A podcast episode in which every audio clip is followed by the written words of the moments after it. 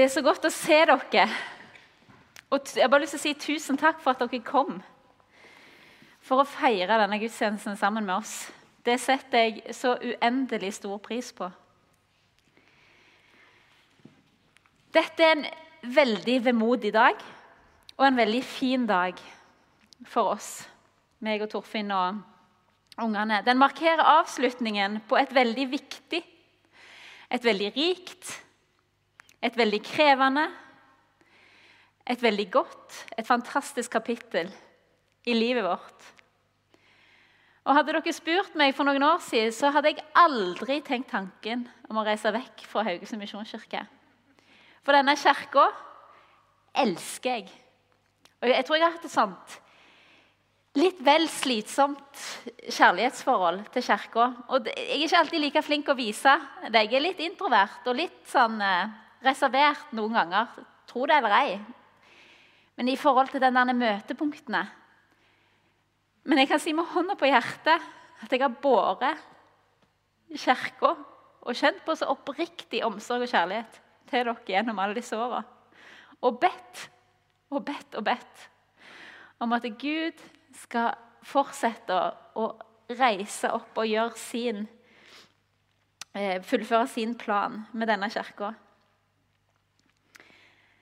Og så skal vi reise til Afrika. For noen uker, eller for noen måneder siden i vinter, når det var litt nedstengt, og sånn, så jeg, jeg hjemmekontor en torsdag, og så satt jeg på bibelen.no. Noen av dere har hørt det før. Og skulle høre dagens bibelord, som det hører seg og bør for en pastor. Og registrerte at det var fra Jesaja 55. Og så tenkte jeg ja, ja, det har jeg jo lest før. Og så fløy tankene mine. Og i tankerekka så kommer et sukk fra mitt innerste. Kjære Gud, skal, virkelig, skal, vi virkelig ta med ungene og reise til Afrika midt i en pandemi? Det er jo helt hull i hodet. Og så hører jeg fra bibelen.no. For dere som ikke vet det, så går det an å trykke 'play' nå, så leser de dagens bibelord. Så hører jeg noe jeg ikke har hørt eller registrert før i den, eh, det kapitlet fra Jesaja. For med glede skal dere dra ut, i fred skal dere føres fram.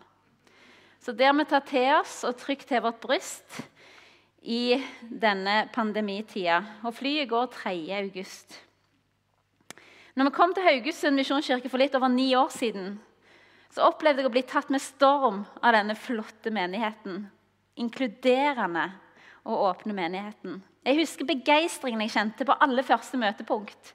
Husker det så godt formiddagstreffet den lørdagen i kjelleren i Gamle Misjonskirka. Husker jeg fikk en klem av Tore. Husker jeg hilste på Henry og Solveig og mange av dere andre.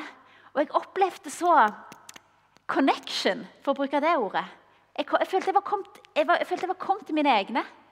Og jeg var så begeistra for fellesskapet.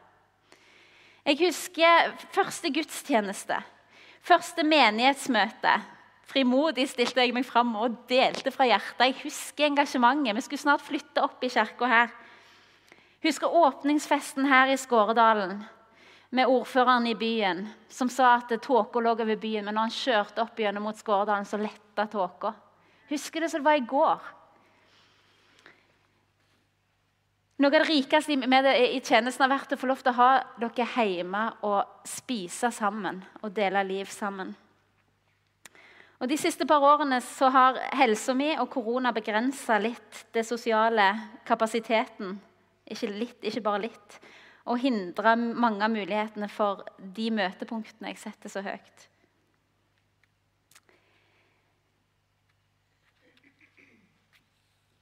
I denne min siste preiken her for denne gang i Misjonskirka så har jeg lyst til å komme med en oppfordring som jeg håper og ber skal bli til velsignelse for dere som enkeltpersoner, men òg som fellesskap, for fellesskapet. Og Det er rett og slett Paulus sine enkle ord fra Kolosserbrevet 3, 2. En oppfordring til oss alle. La sinnet være vendt mot det som er der oppe, ikke mot det som er på jorden. Dere er jo døde, og deres liv er skjult med Kristus. Men når Kristus, deres liv, åpenbarer seg, da skal også dere bli åpenbart i herlighet sammen med ham. Det er vårt håp, som vi sang. Det er vårt håp. La sinnet være vendt mot det som er der oppe. Eller sagt på en litt annen måte la fokuset deres, la oppmerksomheten være vendt mot Jesus og det som handler om hans rike her på jord. Ikke på alt det andre som, liv, som verden har å by på. La Jesus og Guds rike være det første dere retter blikket på. Du tenker kanskje at det er enkelt.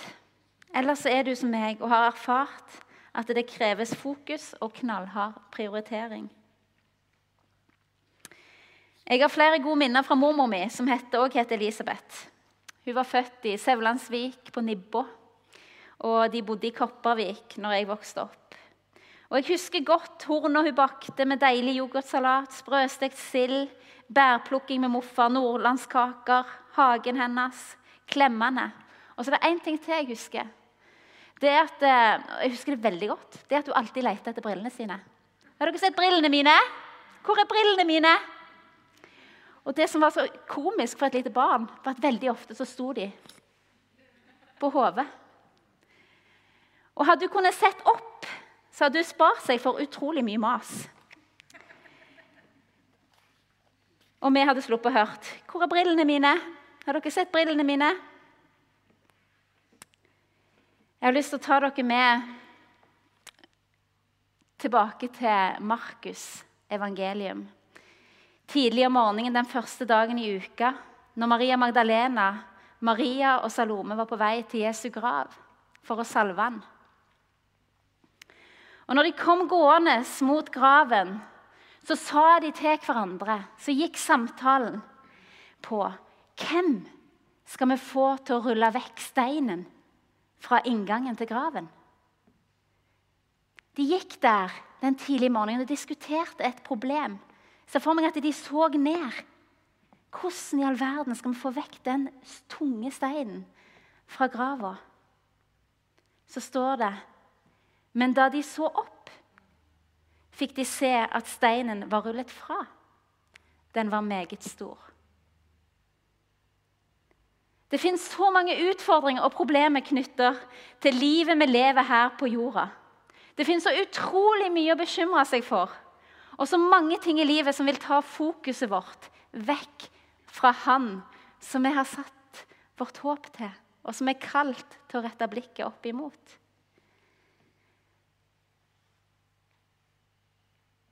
Dere har dine ting, jeg har mine ting.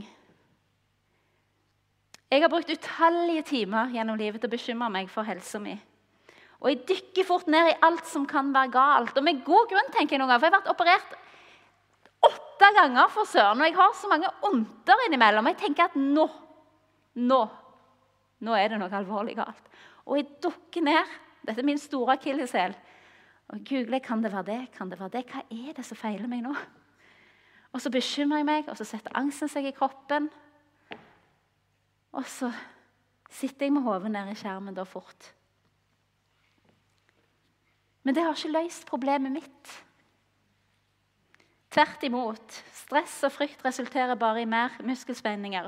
Og jeg har vært nødt til å ta tak i mine tankebygninger, mitt fokus, og prøve å løfte blikket og tenke at ja, men Gud er den som har kontroll. Og det er jammen meg ikke enkelt. Det er en knallhard prioritering. Jeg vet ikke hva dine ting i livet er som gjør at du går som Maria Salome og lurer på hvordan kan du løse dette problemet, eller hvordan skal du komme ut av den situasjonen, eller hvordan kan du, hvordan kan du, hvordan kan du, hvordan kan du? Er det vanskelig å se opp? Men det som er så nydelig, det er jo at det, som for Maria Salome og Maria Magdalene, så har Gud løst vårt problem når alt kommer til alt. Han ønsker at vi skal få ta del i hans fred, hans frihet og hans glede. Men det vil ikke dermed sagt at det er noe quick fix. På noen områder i livet. Jesus sier i såmannslignelsen om kornet som faller blant tornebusker. sier han tre ting. At dette er livs bekymringer, lysten på alle andre ting og rikdommens bedrag kveler ordet, så det ikke bærer frukt.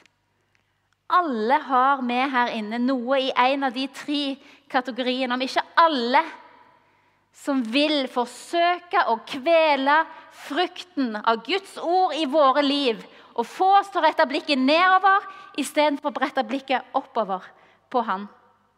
Alle har vi noe, og alle kaller Jesus oss til å velge å rette blikket opp på Han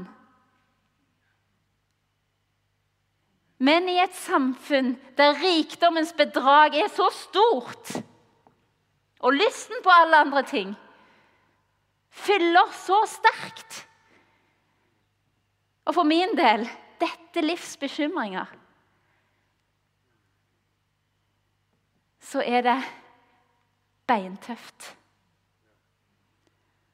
Det er faktisk litt lettere innimellom i Afrika. Litt åpnere himmel har jeg erfart noen ganger. For rikdommen Der synger de for livet, som Torfinn sier, når de kommer på gudstjeneste. Folk fra slummen. Vi fikk se 13 gjengungdommer på en gudstjeneste komme og ta imot Jesus. Og Flere tusen i forsamlingene de, de sang og lovsang på en sånn måte at Torfinn grein.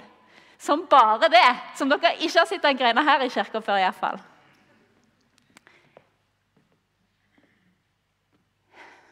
Vi har en utfordring i rikdommens bedrag og lysten på alle andre ting og dette livsbekymringer. Og vi er nødt for å prioritere og løfte blikket hver dag. Om det så bare er bibelen.no, de to minuttene, så er det en god start. Jeg ser det så klart. Det er så fort at jeg ikke løfter blikket. Og da lander jeg mye fortere inn i mønsteret mitt negative mønster. Paulus sier vi, vi, har fått, vi, har fått, Guds ord. Vi, vi, kan ta tankebygninger til fange. Og vi kan bytte ut det med det.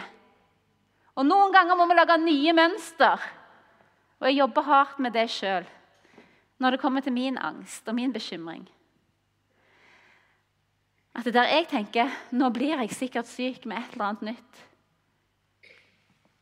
Jesus har tatt min sykdom på seg. Og du har dine ting i ditt liv. Vi må si åndelige sannheter, så vi kan hvile i håpet sjøl når alt verdens håp er ute.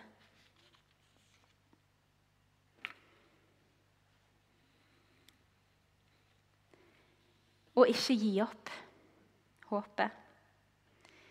Til deg som kjenner på lysten på alle andre ting, at den fyller livet. Du vet, du vet hva det er sjøl. Hva er det i ditt liv som vender eh, blikket ditt mot det som er på jorda, framfor det som er der oppe?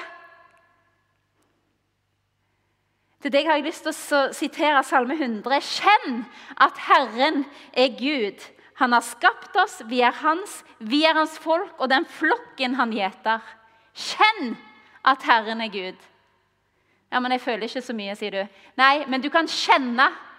Fredrik sa det. Du er ingen plastikkblomst. Du er en levende, du er et levende menneske.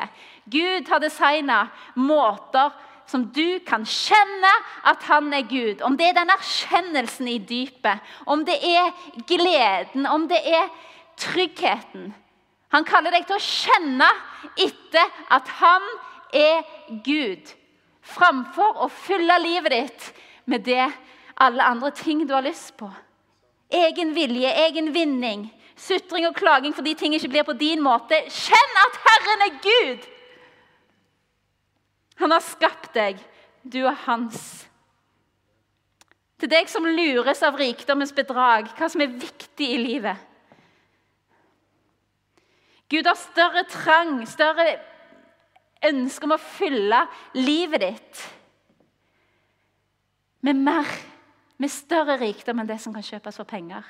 Hold opp, står det i Salme 46. Hold opp! Kjenn at jeg er Gud. Jeg er opphøyd over folkeslag, opphøyd på jorden. Kjenn at jeg er Gud. Løft opp ditt blikk og kjenn at Herren er Gud. Herren Sebat er med oss. Jakobs Gud er vår faste borg. Den faste borga kan ikke kjøpes for penger.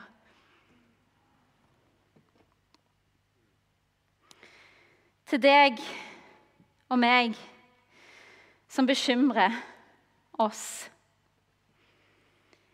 Jobb, Gud tillot jobb å erfare så mye lidelse midt i livet. Han mista barna sine, han mista helsa si. Han mista så å si alt. I Jobbs bok 37 så sies dette til Jobb. Lytt til dette, Jobb. I hans sykdom, midt i hans lidelse. Stans og erkjenn Guds under.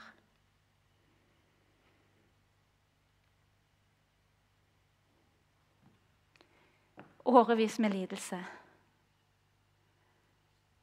Stans. Se opp. Erkjenn Guds under. Så står det i Jobb 38, 39. Da svarte Herren Jobb ut av stormen.